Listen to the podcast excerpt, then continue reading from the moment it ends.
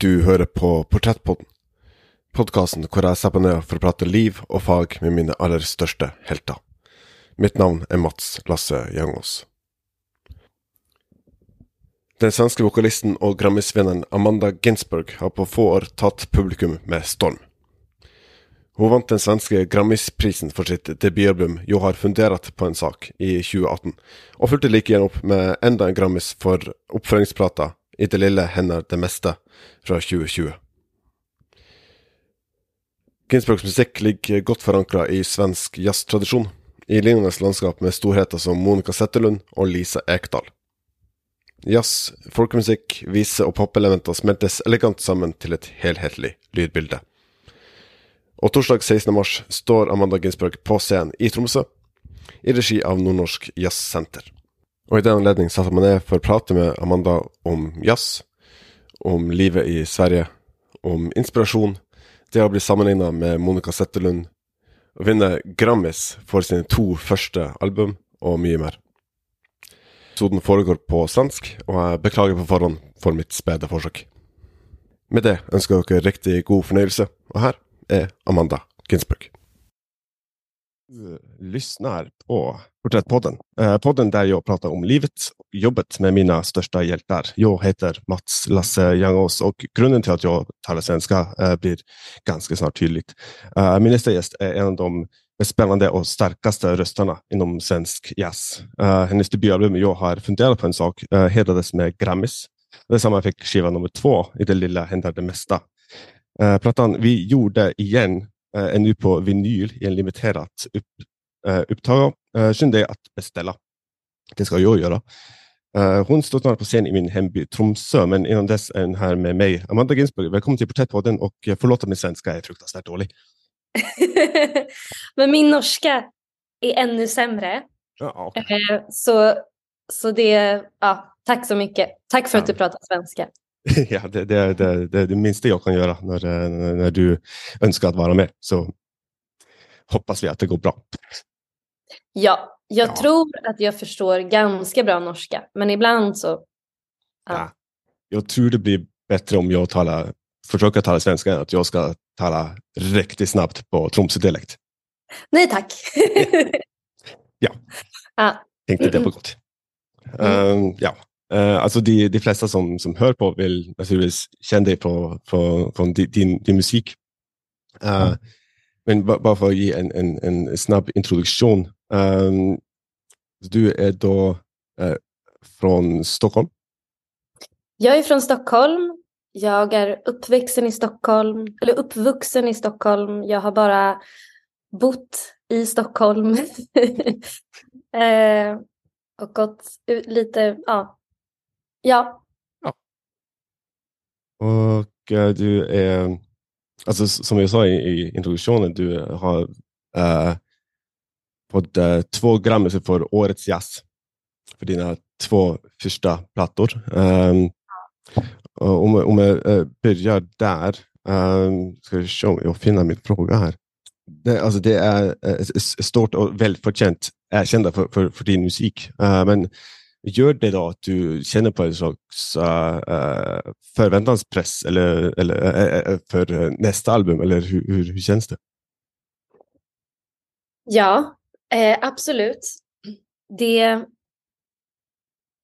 det är ju speciellt när man ger ut sitt första album. Eh, då för mig var det så att liksom, här är en samling låtar man liksom samlar ihop kanske mycket som redan finns, som musik, musik jag skrivit tidigare. Mm. Eh, och liksom, för mig var det första albumet mycket att jag gav ut det för att kunna komma ut och spela mer. Eh, för idag behöver en, en arrangör, en bokare, vill ju, de vill ju höra vad det är den ska boka såklart. Ja. Och idag är det ännu mer så mot vad det var för tio år sedan tycker jag. Då var det men vad vet jag. Eh, och så då var det ju väldigt liksom förutsättningslöst. Bara så, hej, här är min musik, hoppas ni ska gilla det. Liksom. Mm. Jag hade ingen aning om vad som skulle ske. Nej. Och sen så bara blev det så Grammis-nominerat och sen eh, fick det då en Grammis. Eh, och sen det andra albumet, då fick jag verkligen parera att tänka eh, för att inte drabbas av prestationsångest. Mm. Eh, och jag fick jobba med att tänka, jag bara, jag bara liksom, eh, jag bara, jag är nyfiken. Mm. Jag, jag leker med det här, jag vill utforska samma uttryck eh, och ta, ta, det vidare. Och, eh, och inte tänka att jag skriver för någon annan. Mm. Jag skriver för mig. Vad vill jag säga? Vad tycker jag om för musik? Vad känns bra? Liksom. Mm. Men det är ju lättare sagt än gjort. Eh, och sen så då, what? Den får också Grammis. Det är ju helt sjukt. Ja. Eh, vad, och nu har jag typ inte skrivit en låt sedan dess. Nej men alltså. Okay. det, är, det är verkligen. Um, det är inte. Det är dels för att jag har spel. Alltså. Så fort pandemin. Pandemins restriktioner släppte här i Sverige, vilket de ju gjorde för ganska länge sedan nu. Så så började vi spela mycket. Så jag har verkligen, jag har verkligen passat på att spela jättemycket. Och då hinner jag inte skriva lika mycket musik. Liksom. Men jag tror nyckeln för mig för att inte drabbas av prestationsångest och bara tänka att ett tredje album som inte blir Grammis-nominerat, det kommer vara ett misslyckande. Eller så. Mm. Alltså, för jag menar, så kan man inte tänka. Eh, eller så bör man inte tänka. Eh, och då tänker jag att så här, men jag måste inte visa allt jag kan med ett album. Jag kommer säkert göra fler album efter mitt nästa album. Och, eh, och jag behöver inte visa hela mig själv och bevisa mig själv mm. eh, i det nästa. Och det är som det jag försöker liksom tänka på när det blir eh, för, för mycket prestationsfokus. Alltså, det var ett långt svar. ja, ja, jag gillar äh, långa svar. Mm, um, bra. Tänker också, alltså, alltså, om du äh, tycker du må, måste bevisa något, då har du berätt, gjort det med två plattor som är Grammis-nominerade. Just det, så kan jag ju också tänka. Ja. ja. Bra! Mm. ja, visst, jag har, redan, jag har redan gjort det. Mm. Det har redan gått mer än förväntat liksom bra. Mm. Så att nu kan jag, ja, mm. det är sant. Nu kan jag ta det lite lugnt. Det var, ja. så hade inte jag tänkt. uh, alltid lurt att tänka lite positivt. Ja, ja. det måste man göra. Ja, ja. Verkligen. Um, Särskilt i dessa tider. Oh ja. världen är kaotisk. Ja, ja. några negativa saker i, i världen. Mm. Men da har man uh, uh, heldigvis, uh, som sier i Norge, mycket härligt och vacker musik att lyssna till. Ja, men det är ju det som är fint med kultur, att i sådana här turbulenta, eh, liksom traumat för många traumatiserande mm. tider. Eh, och eh, alltså det är ju alltid så, kulturen sätter ju alltid eh, ord på den gemensamma upplevelsen på något mm. vis. Eh, I krig, i, i liksom eh, eh, revolution, i, då finns kulturen där. Kulturen är ju som revolutionen i Iran, Alltså mm.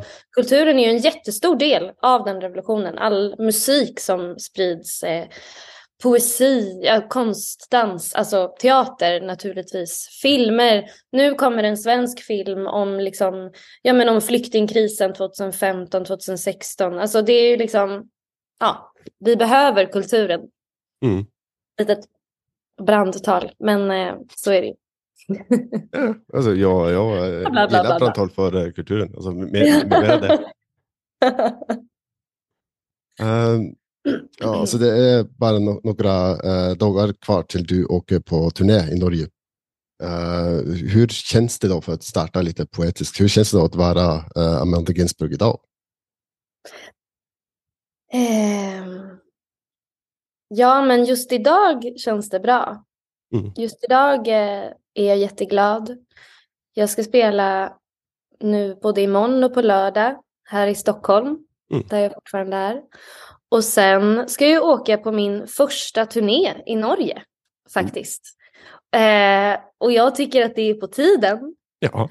Eh, och jag är otroligt eh, exalterad över... Ehm, ja, vi börjar i Oslo.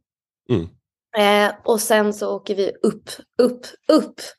Eh, och det ska bli så häftigt att se den delen av Norge.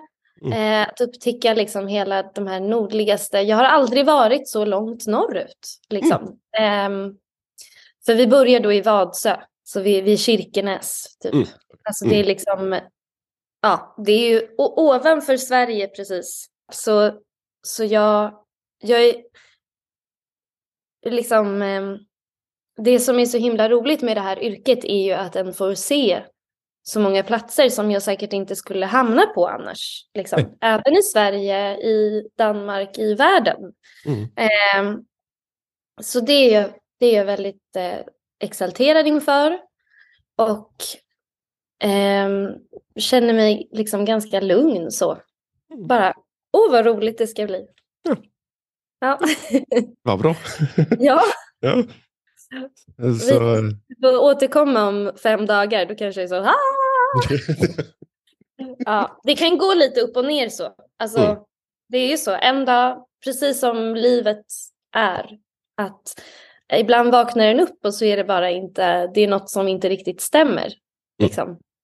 Eh, och då, då, får, då får vi ha knep för att, för att kom, ta oss ur det.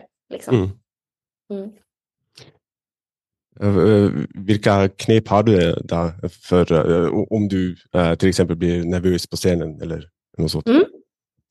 Ja, alltså det kan ju vara knep för många olika saker. När jag väl är på scen så blir jag inte så nervös. Då är det som att jag, jag vet vad som förväntas av mig där. Jag vet vad jag ska göra. Liksom. Um, jag känner mig numera ganska trygg. Men det är viktigt att komma ihåg att andas. Det, det är en bra grund, ja. grundpelare. Mm. Att inte hamna för mycket liksom. Eh, och sen eh, och sen så som du sa, så att tänka positivt. Mm. Alltså det att liksom påminna sig själv om vad jag har gjort, vad jag får göra. Mm. Att att påminna sig själv om att njuta. Att det här yrket som jag har, det är ju ingenting en väljer för att, för att en tjänar så himla mycket pengar. Liksom. Eh, inom, inom min genre så är det så. Mm. Utan jag väljer det för att jag vill göra det. Mm. Jag vill uttrycka någonting, jag vill vara i musiken. Och jag får göra det och folk kommer och lyssnar mm. på det. Mm. Och då behöver jag liksom, det är en bra påminnelse för mig att så här, men jag gör ju, jag gör ju det jag, det jag drömde om, det är ju det jag gör. Ja. Eh, och så att fokusera mer på det än allting jag inte kan eller allting jag inte... Men jag menar, det är ju lätt att säga, men, eh, men jag brukar liksom ändå kunna... Om, man, om jag har en dålig dag så brukar jag ändå lyckas jag brukar lyckas vända det tills det är dags för konsert. Mm. Mm. Ja, jag tror jag också, att jag är ju äh, inte en äh, artist eller, eller, eller musiker, äh, men jag tror också att alltså bara det att andas är ju, det, det, hjälper. Ja. ja, men det är många som, alltså, ähm, generellt så tror jag att vi, vi skulle typ så här, det skulle vara en mer naturlig del av, av vårt Alltså om vi tänker att vi idrottar och att vi ska, det är mycket liksom prat om att, att röra på sig mycket och du ska Mm. röra på dig så här mycket per dag, gå 10 000 steg, gör det, gör det. Ihåg att bara så här, ibland måste vi bara andas djupt. Vi andas liksom, i vardagen kan vi andas väldigt högt upp i, alltså nu blir jag lite nördig, men, eh, men vi andas liksom eh, väldigt högt upp i kroppen tror jag. Ibland är det bra att bara kanske lägga sig ner och tänka att så här, nu ska jag fylla hela magen med luft. Mm. Och kroppen slappnar av något enormt. Alltså jag har också haft så i perioder svårt att sova. Mm. Eh, för att tankarna snurrar. Och att andas då. Det är Mm. liksom inte, det är inte flummigt. Det är inget abstrakt. Nej. Det är inget, det är liksom inte, det behöver inte vara ens att meditera. Utan bara att bara andas in och ut. Och Mm. njuta av det. Eh, det, är, det är så bra för pulsen och cirkulationen. Liksom. Ja. alltså, hur hamnade jag här? Jag vet inte. Det är, det är ba- bara fint. Uh, ja, Jag bara ja. pratar. Alltså, jag kan prata så fruktansvärt mycket. Förlåt. vad bra. Ja. behöver inte jag prata så mycket. Ja, men jag, bara, jag, bla bla bla bla bla. Ja. ja, tack, tack så mycket. Eh, nej, alltså jag, jag följer dig. Ehm, så, eh, vem vet var, var vi uh, ändar, men eh, jag, jag gillar resan. ja, det är bra. Du hör på Porträttpodden med Mats Lassiangos.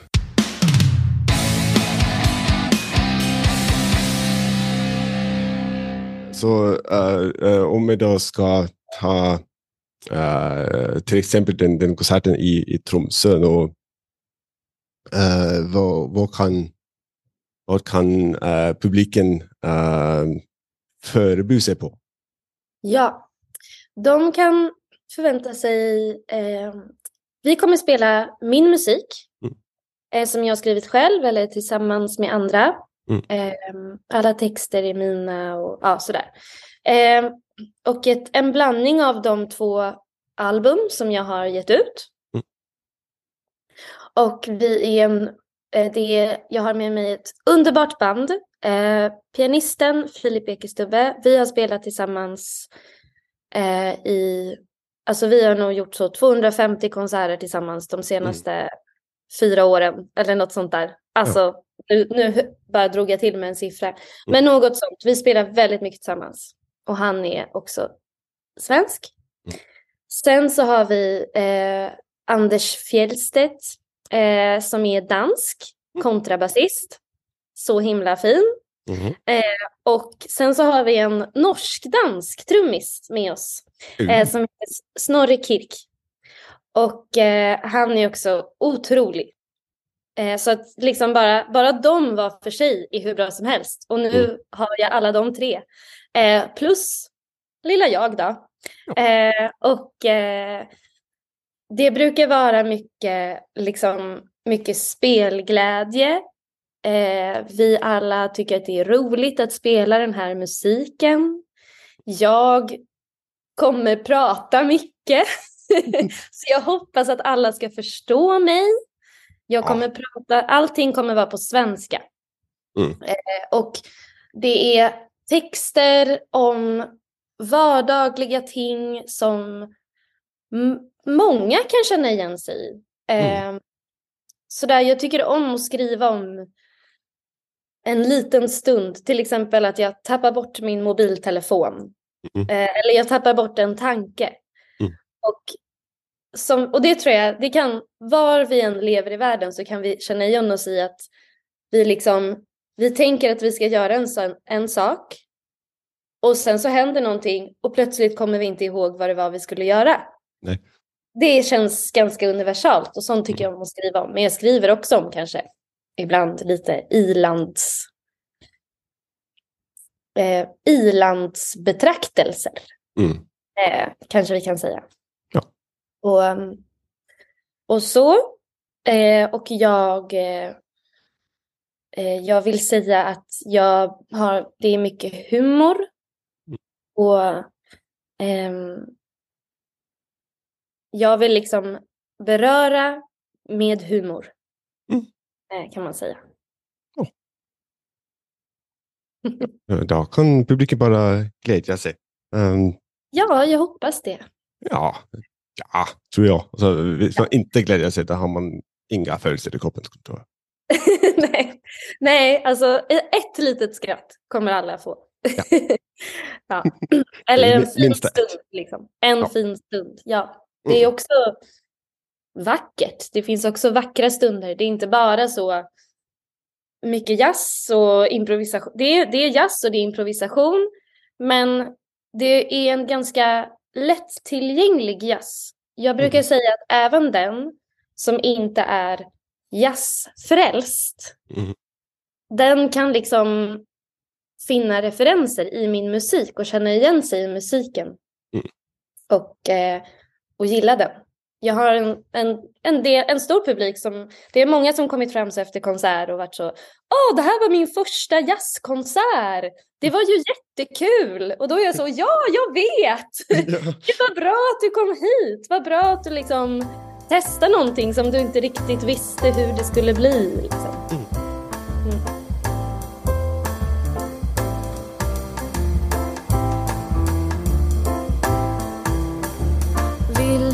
Följa med? Vill du ha en paus från storstadens brus, från trängsel och kaos? Låt mig ta dig med ut bland kobbar och skär. Vi seglar ut dit vindarna bär. Jag vill ha dig med i min havsmelodi. Nu passar vi på, sen är sommaren förbi. Så kastar vi loss och ger oss av. öppet hav och gungar sakta fram när havet förför. Vinden är varm när vi surfar Jag, tänker, alltså, jag har eh, lyssnat eh, mycket på, på, på din musik uh, medan jag förberedde mig till det här eh, samtalet. Um, jag tänker, eh, ka- kan också vara fel, men men, alltså, jag tänker, när jag hör din musik så tänker jag på Monica Zetterlund. Eh, och det, alltså, det, det sättet att, att eh, förmedla historier genom musiken. eh, är, är, är det, alltså, vad, vad tycker du om, om om den, den sammanligningen, jäm, jämförelsen. Just det, Ja. den jämförelsen. Ja. Ja, jo men jag förstår verkligen det. Och jag är ju också inspirerad av den musiken som skapades under hennes storhetstid. Mm. Eller vad jag ska säga, alltså 50-60-talet. Eh, liksom då vi har några svensk, vi har olika svenska liksom ehm, kreatörer då. Det fanns bland annat Hasse och Tage som har gjort jättemycket revyer och Tage Danielsson då har ju skrivit, både Hasse Alfredsson och Tage Danielsson har skrivit mycket text till jazz. Och Monica Zetterlund sjöng mycket av deras texter, många av deras texter. Sen så har vi också Beppe Wolgers som skrev mycket texter eh, till, till musik som andra skrev eller sådär. Mm. Eh, och så finns det ju jättemånga mer med dem. Eh, Povel Ramel, eh, ja, Barbro Hörberg, liksom. det finns fler helt enkelt. Men vad de gjorde ofta var ju att, att ta kanske ganska allvarliga ämnen och blanda in en del, hel del humor i Mm. det. Och igenkänning och att vrida och vända på ord. Eh, att liksom ha lite finurliga formuleringar. Mm. Eh, och, och det är jag väldigt inspirerad av. Det tycker jag själv är väldigt roligt. Jag tycker det är roligt att använda språket så. Mm. Och så att när, man, när, vi, när jag nu gör liksom en så en melodiös jazz på svenska, då blir det väldigt snabbt att vi hamnar i Monica Zetterlund-referensen, för hon är Mm. så, hon var så stor, hon var så bra, eh, hon hade verkligen något att berätta. Och, eh, och det är klart att jag som svensk jazzsångerska prä, liksom har, har präglats av henne. Mm. Eh, men jag skulle säga att jag har lyssnat precis lika mycket på typ Beyoncé eh, som jag har lyssnat Alltså jag har nog lyssnat mer på Beyoncé än vad jag har lyssnat på Monica Zetterlund. Eller mer på, eh, vad ska vi ta, typ Queen. Alltså jag har Mm. lyssnat väldigt brett liksom. Mm. Eh, jag, har en, jag har en bred musiksmak, en relativt bred musiksmak. Och, och jag skulle, och av jazzmusiker, av jazzsångerskor, då är inte Monica den jag har lyssnat på mest. Men för att jag gör det här på svenska, i den här melodiösa jazzen, då påminner ju det väldigt starkt om Monica Zetterlund. Eh, så det, det är ganska vanligt att, att, eh, att min publik tänker på henne. Men jag är, är själv lite försiktig med att säga så, ah, det påminner om Monica Zetterlund, för då tänker jag, tänk om någon kommer på konserten och så, nu ska jag få höra något som påminner om Monica Zetterlund. Och så tycker den inte alls, det här var ju inte alls lika bra som Monica Zetterlund. Då Mm. blir den personen besviken. För jag kan ju liksom bara vara jag. Jag är inte ute efter att försöka vara nästa Monica Zetterlund liksom. Eh, och så. Men det är ju en enorm ära att bli liksom jämförd med Mm. henne. Det är ju jättestort. Ja. Du blir- inte eh, irriterad eller arg? med Någon, Nej. Någon, Nej, gud nej. Okej. Nej. Verkligen inte. Okej.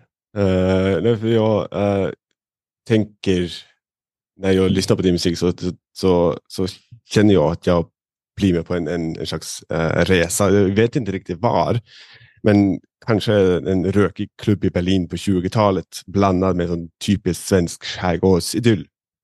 Eh, eller, eller något sånt. Alltså, så små, små världar som, som skapas genom låtarna. Och ett, ett album blir ett, ett, ett univers fyllt av berättelser om eh, vad ska man säga, eh, berättelser om vad det innebär att vara en modern svensk kvinna idag. Är det en okej eh, beskrivning? Ja, alltså det tycker jag. Mm. Jag tycker att det är en fantastisk beskrivning. Om det är, om det är så det känns så är jag Mm. väldigt nöjd. Ehm, för att jag gör ju då den här musiken som påminner om en musik som gjordes för eh, 60 år sedan. Mhm.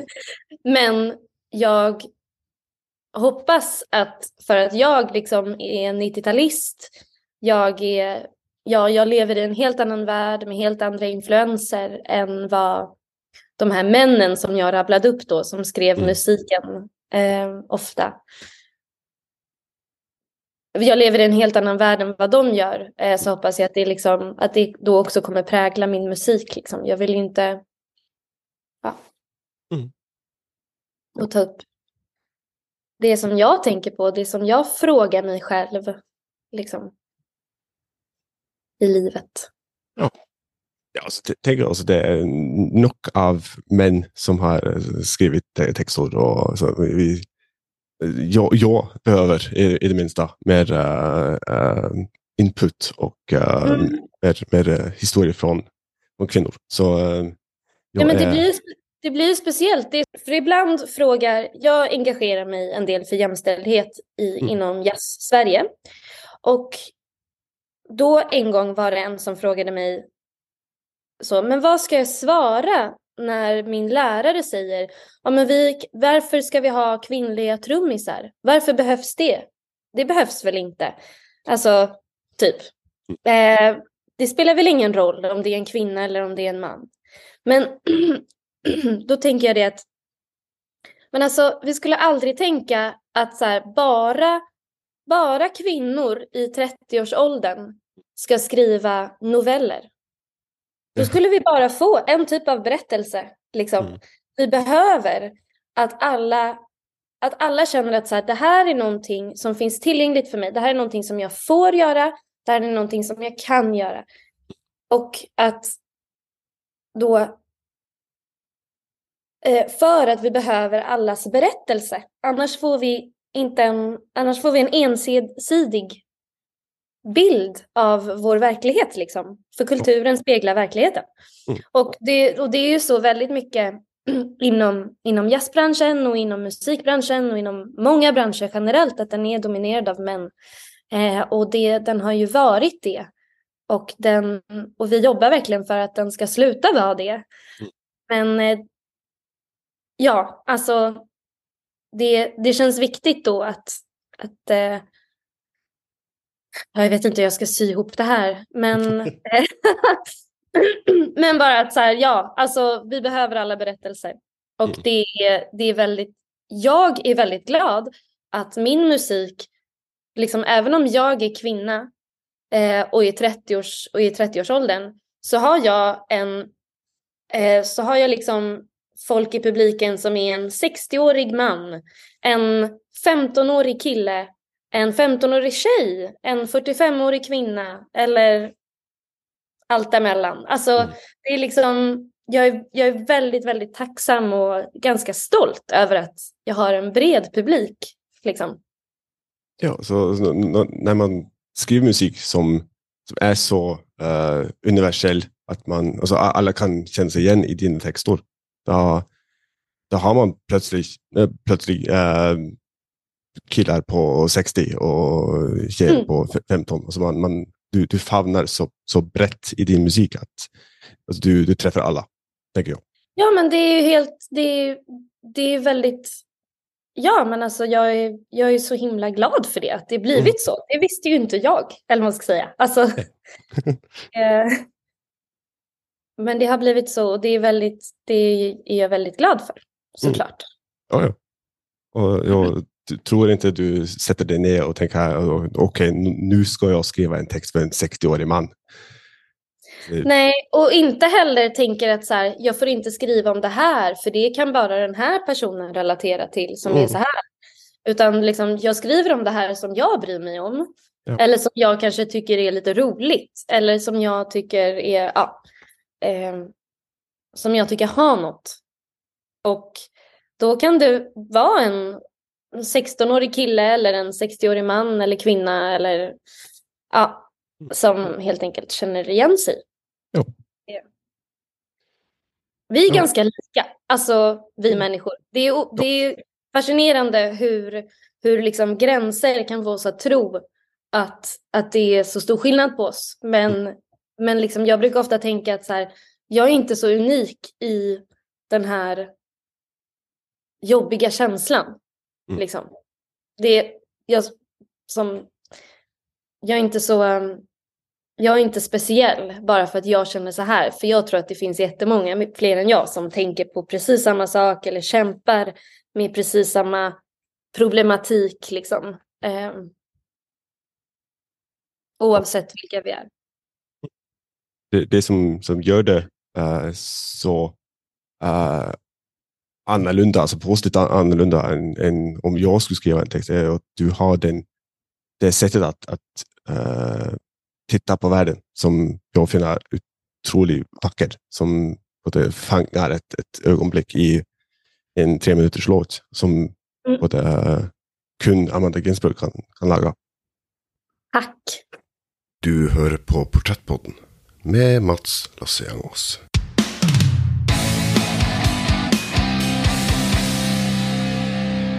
Jag försöker alltid, Amanda, eh, alltså, hitta något jag har gemensamt med mina, mina gäster.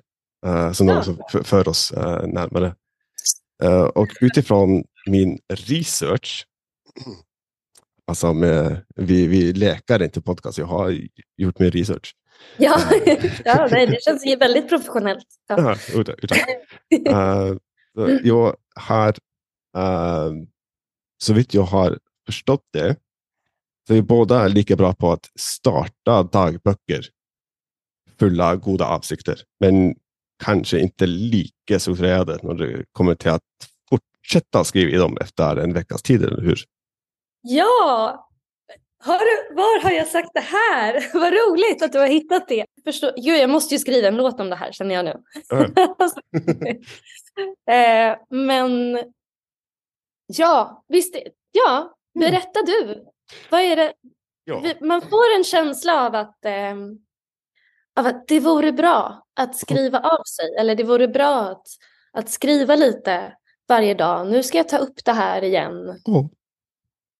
Och sen... Vad händer sen? Li- livet händer. Exakt. Ja. Alltså Ja. jag, jag, jag har köpt mig alltså, en, ny bok som jag ska skriva i. Uh, börja på första januari. Tänker jag, ja, nu ska jag skriva varje dag och ska ha en plan och ska vara strukturerad och, och jag ska skriva mina drömmar och, och hopp och, och så går det möjligen en vecka, kanske två. Och så ja, har jag glömt det? Eller jag hoppar över en dag? Eller jag tänker ah, det är inte så viktigt. Och så börjar jag skriva frågor till podcasten istället. Och eh, tecknar då, dåliga teckningar. Och eh, vad önskar jag till middag? Och allt bara försvinner i det, det, det rara, rara, konstiga rummet som heter min hjärna. ja. ja, men visst, det är så. Och Mm. jag tror inte ens att jag har lyckats i en vecka. Alltså jag är imponerad. Mm. Men för jag har också tänkt så, för att jag skriver ju, ja, för jag skriver mycket texter. Och då har jag Mm. tänkt att det kanske vore bra för mig att skriva dagbok för att liksom hålla igång skrivandet. Ehm, och så då, så då försöker jag liksom, jag försöker så effektivisera min process så att jag ska vara, jag ska vara duktig eh, och skriva stora tankar liksom. Och sådär. Och sen så blir det bara så här, hej hej, ja idag så har jag gjort, hej dagboken. Hej hej! idag så gick jag upp klockan halv åtta och sen så gjorde jag det. Det har varit en ganska bra dag. Alltså då blir det bara så, jag åt tacos. Alltså det är liksom... eh, Det är sådär, varför ska jag skriva ner det här? Mm. Liksom, hur, ska, hur, vad, hur ska det här ta mig framåt? Eh, om det är det jag vill med det. Mm. Och sen så har jag också ganska dåligt minne. Och då Mm. har jag tänkt att det kanske är bra att sammanfatta sin dag för att gå igenom liksom, och se om jag kan få ett bättre minne av det och bättre komma ihåg saker. Mm. Men jag kommer inte ihåg att skriva i boken. Nej. Så det är kört. Liksom. Ja. Ja. Nej, jag har fått alla möjliga olika tips om så. Jag köpte en sån här femårsdagbok. Mm. Eh, så då ska man ha den i fem år helt enkelt. Och- Okej. Den är ganska tjock, men då... Och så varje blad är en dag, ett år. Eller varje blad är alltså en dag, fem år. Eh, Så du skriver bara på, på fyra rader ska du skriva någonting. Liksom. Mm. Och det är ju ganska, ö- det är ganska överkomligt. Den har jag i alla fall då och då skrivit Mm. i. Ja. Men ja, det är, jag är så imponerad av folk. Det verkar så roligt. Alltså mina föräldrar är ganska gamla och de har några grannar som har skrivit dagbok liksom typ hela sitt liv. Mm. Och så de kan gå tillbaka till så, ja vad är det för datum idag? 9 mars 1976 liksom. Mm. Vad gjorde jag då? Ja. Och det verkar ju roligt. Alltså, Ja, Men jag, lyck jag lyckas inte med det, nej. Nej. Nej, alltså jag, jag, tycker, jag tänker om, om, om någon hittar mina dagböcker så vill de tänka att det här är en man som inte vet hur man lever. Som, som behöver hjälp med något. Uh, vet inte helt vad. Behöver Uh, riktning i livet. och, ja, och han, han åt tacos. Och det var det. ja. Så, så Det är dog han. Efter, Jag vet inte. eftermäle. Ja, Det är det du lämnar efter dig. Ja, visst. Ja. Ja. Här, här vilar Mats Jangås. Han åt tacos. Ja, Och skrev inte klart dagböcker. Nej. Vad Ja, ja. roligt att du hittade det. Ja, ja. Det, jag hittar, alltså, alltså min, min research är ofta på sådana ting som du inte blir frågad om varje dag. Jag tänker idag är det ju eh, lite tråkigt eh, för dig att sitta här att, och, och svara på detsamma hela tiden. Så Ja, men det blir ju mer samtal också då. Ja. Alltså, ja. Ja. Och det tycker jag är fint. ja, jag med. Verkligen. Ja, vad bra. Alltså jag, alltså vi ho- hoppar lite eh, fram och tillbaks, men eh, eh, du är ju då, eh, kommer från en, en mycket stor familj eh, med fem syskon. Ja, precis. Jag, vi har, jag har fem halvsyskon, vilket Mm. innebär att vi inte har samma mamma och pappa. Liksom. Och Mm. jag har några på min pappas sida, några på min mammas sida. Men eh, det- alltså, den, den, den musikglädjen, den är stor hos alla. Ja, absolut. Eh, den är särskilt stor hos några, men eh, alla är verkligen eh, uppvuxna med mycket musik. Mm. Och, ja. Ja. Flera som, eller jag har en syster som, är, som heter Sofie Sörman. Eh, så vi har samma mamma. Mm. Och hon, bor, hon flyttade till Paris när jag var tio.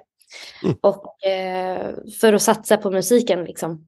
Mm. Så hon är den som är, ja det är vi två som är ver- yrkesverksamma musiker kan man säga. V- Var det då, eh, alltså jag eh, vet ju uh, naturligtvis inte, men eh, var det då eh, alltid en, en plan att, eh, att eh, Amanda skulle bli jazzsångerinna? Nej, verkligen inte. Okej. Eh, för att jag är då vad vi på svenska kallar sladdis. Mm. Eh, alltså jag är, jag är mycket yngre än mina syskon. Mm. Eh, det, och det är långt emellan oss liksom. Så Mm. min, syster, min stora syster var då tj- eh, 20 någonting Mm. eh, när hon flyttade till Paris och jag var 10. Och så tänkte jag, ja men så som det är i början, när en ska starta upp sin karriär och eh, musikeryrket är enormt. Det är jättehård konkurrens. Mm. Och jag tänkte så, äh, det där verkar alldeles för jobbigt. Eh, du har inga pengar och bara, åh, det här verkar så slitsamt. Mm. Ehm, nej, jag ska göra någonting annat, liksom, Mm. tänkte jag. Och ett, ja, men så jag har haft många olika drömmar. Jag dansade jättemycket när jag var liten. Så jag tror en del av mina föräldrar kanske trodde att det var det jag skulle hålla på med ett tag. Men sen så liksom slutade det med det ganska tvärt. Och så ehm, tog musiken över mer och mer. Och sen inför gymnasiet så sökte jag, sökte jag musik. Och kom in på det.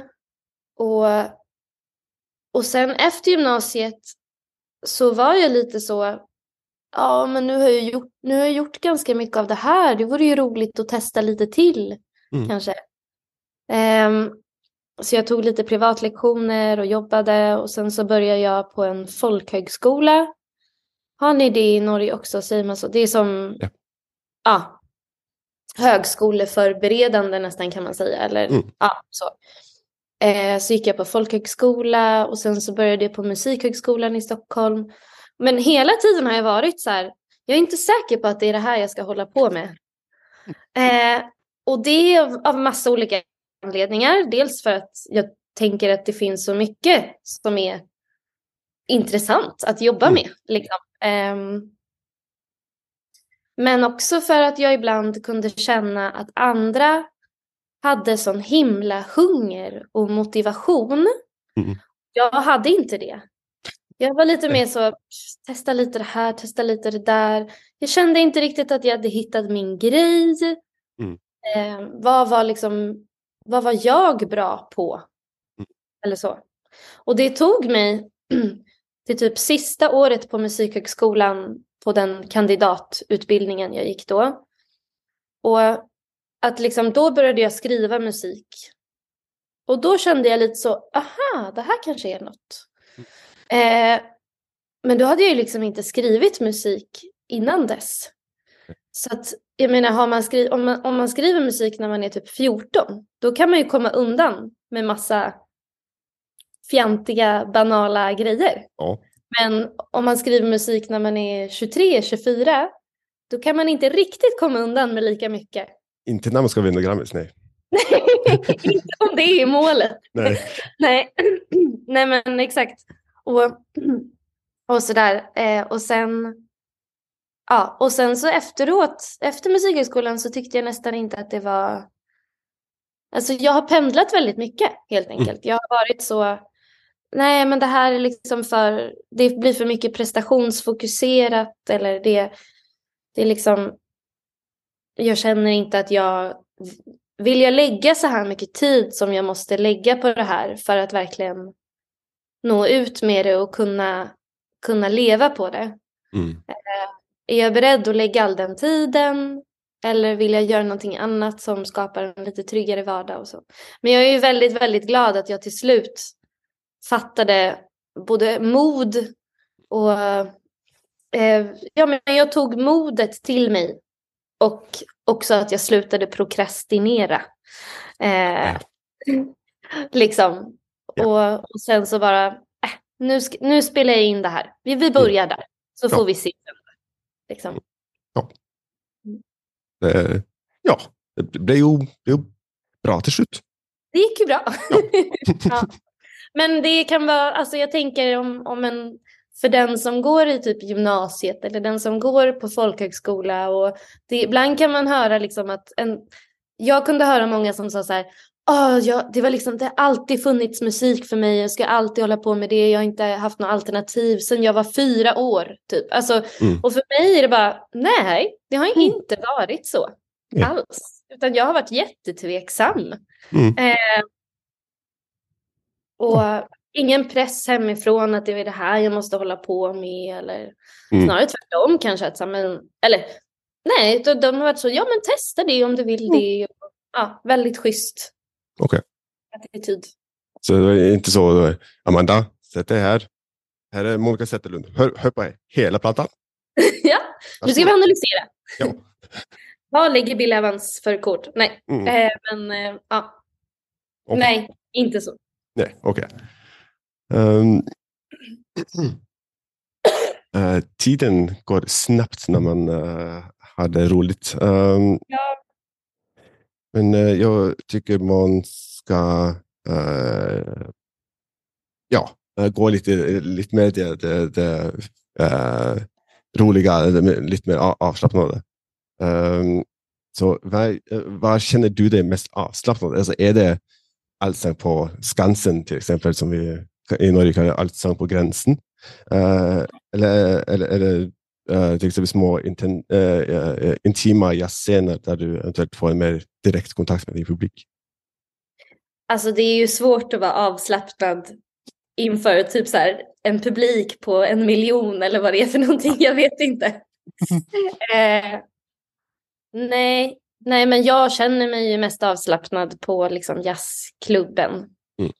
Eh, där tycker jag att min musik också kommer till sin rätt.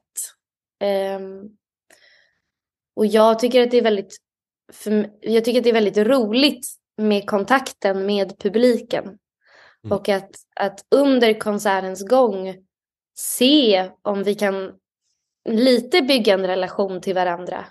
Mm. Ehm, eller åtminstone de, ja men den är ju inte helt jämn åt båda hållen för de är ju många som jag tilltalar samtidigt. Mm.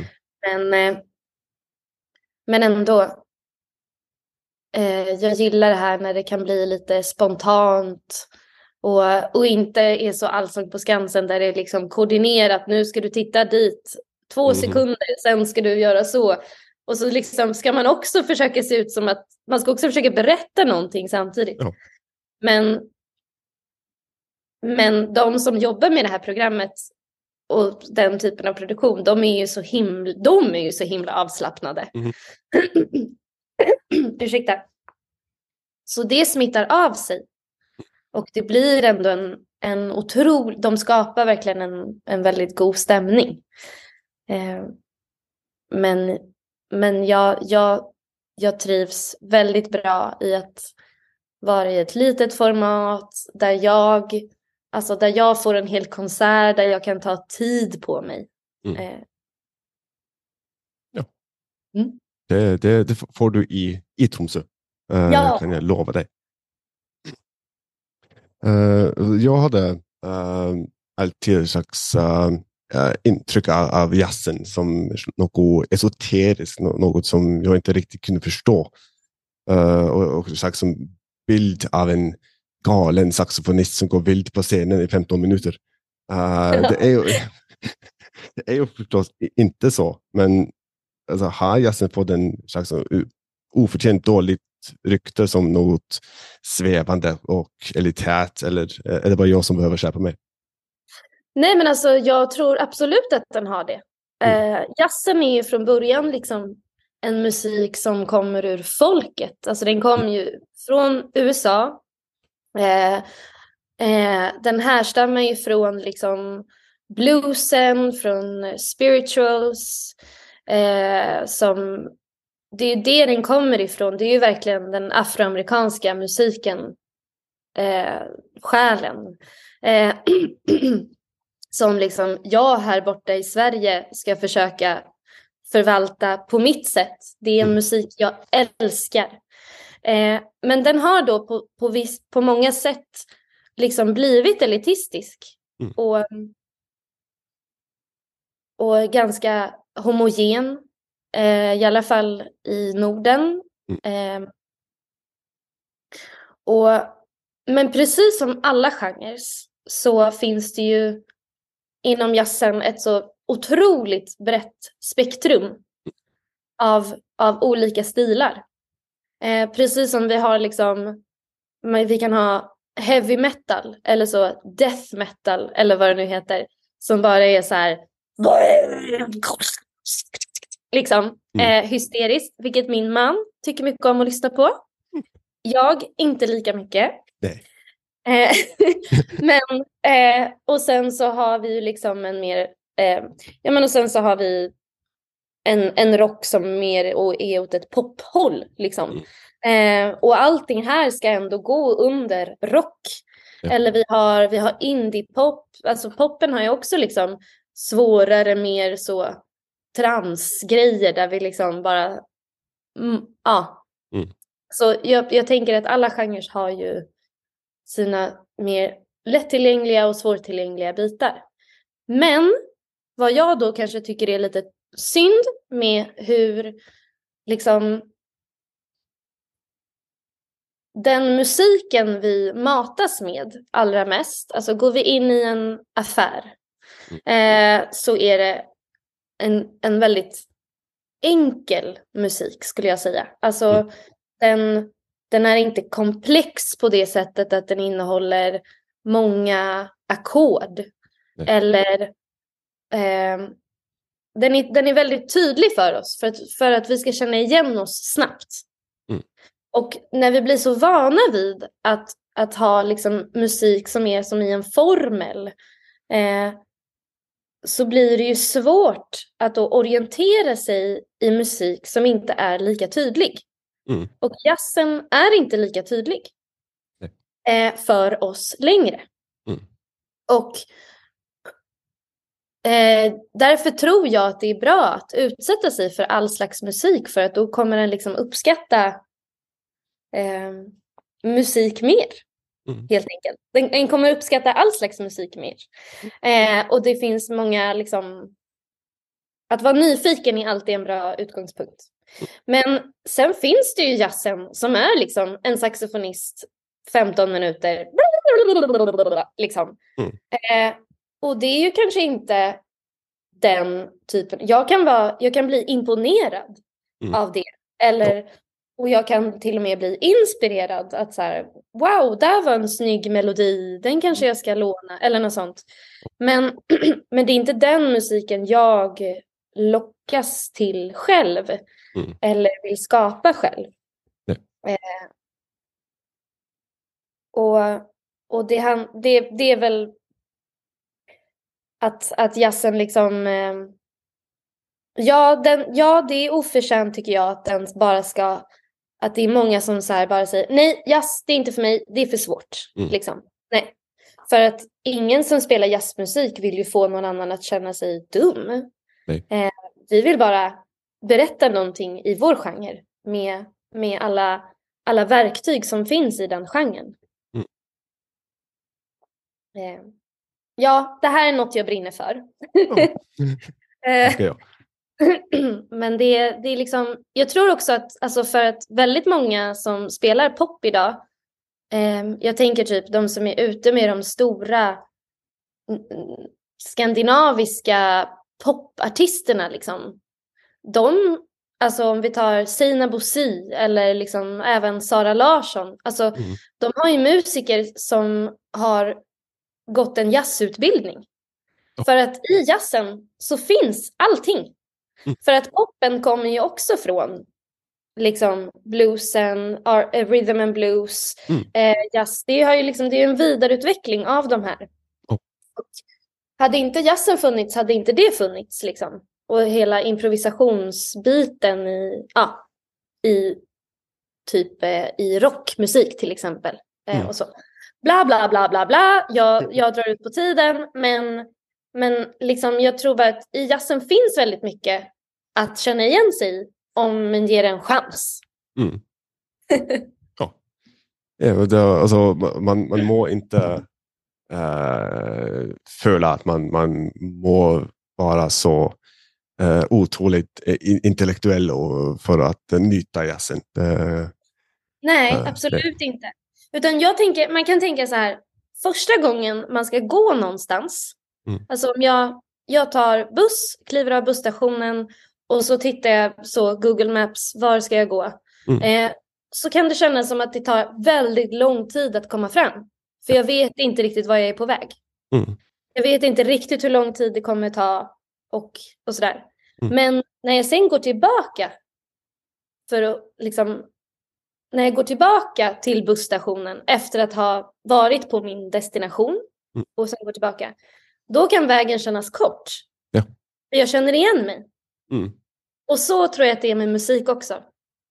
Ja. Att liksom första gången vi lyssnar på någonting helt nytt så kan det kännas, vi kan inte orientera oss.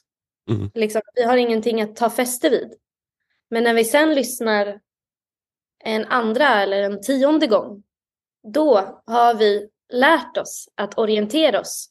Och det Mm. känns inte så långt att gå. mycket fi- fin bild på det. Ja. Uh, bara, för att ta något som, helt avslutningsvis, ta något som eh, du, du nämnde i, början. Alltså det Eh, en, en, en lättbenad eh, jazz, men det är på in, eh, ingen måte en, en lätt musik. Det är en, mycket sofistikerad uh, musik, tycker jag. Uh, och en musik som, som utfordrar, utmanar publiken till att tänka och, och föla och, och, och ja, lära mer om sig själva och, och, och dig som artist. Så jag, jag gläder mig mycket till eh, din konsert i, i Tromsö. Det finns eh, några biljetter kvar. Eh, inte så många, så, så eh, var snabba, folkens. Ja, Ja, eh, så då tycker jag att eh, det är på sin plats att säga tack så mycket Amanda för att du önskat att, att vara med i den här episoden tack så jättemycket för att jag fick vara med. Verkligen, det var väldigt trevligt och roligt. Ja, så fint. Du har hört på en episod av Porträttpodden med mig, Mats Lasse Jangås. och min gäst i den här episoden var den svenska jazzsångerskan Amanda Ginsberg. Mitt tack till Amanda för att hun tog seg tid att vara med i den här episoden. Har du gjort någon tanke medan du har hört på? Har du ris eller ros eller tips som ska komma? så kan du rette till Porträttpodden sin Facebook-sida eller på e-post till portrettpodden at gmail.com. Alla ljudklipp i den här episoden eh, är benytta i henhold til sittatrett. Portrettpodden arbeider i henhold til Vær varsom-plakatens regler for god presseskikk. Takk for at nettopp du hørte på, og vi høres snart igjen.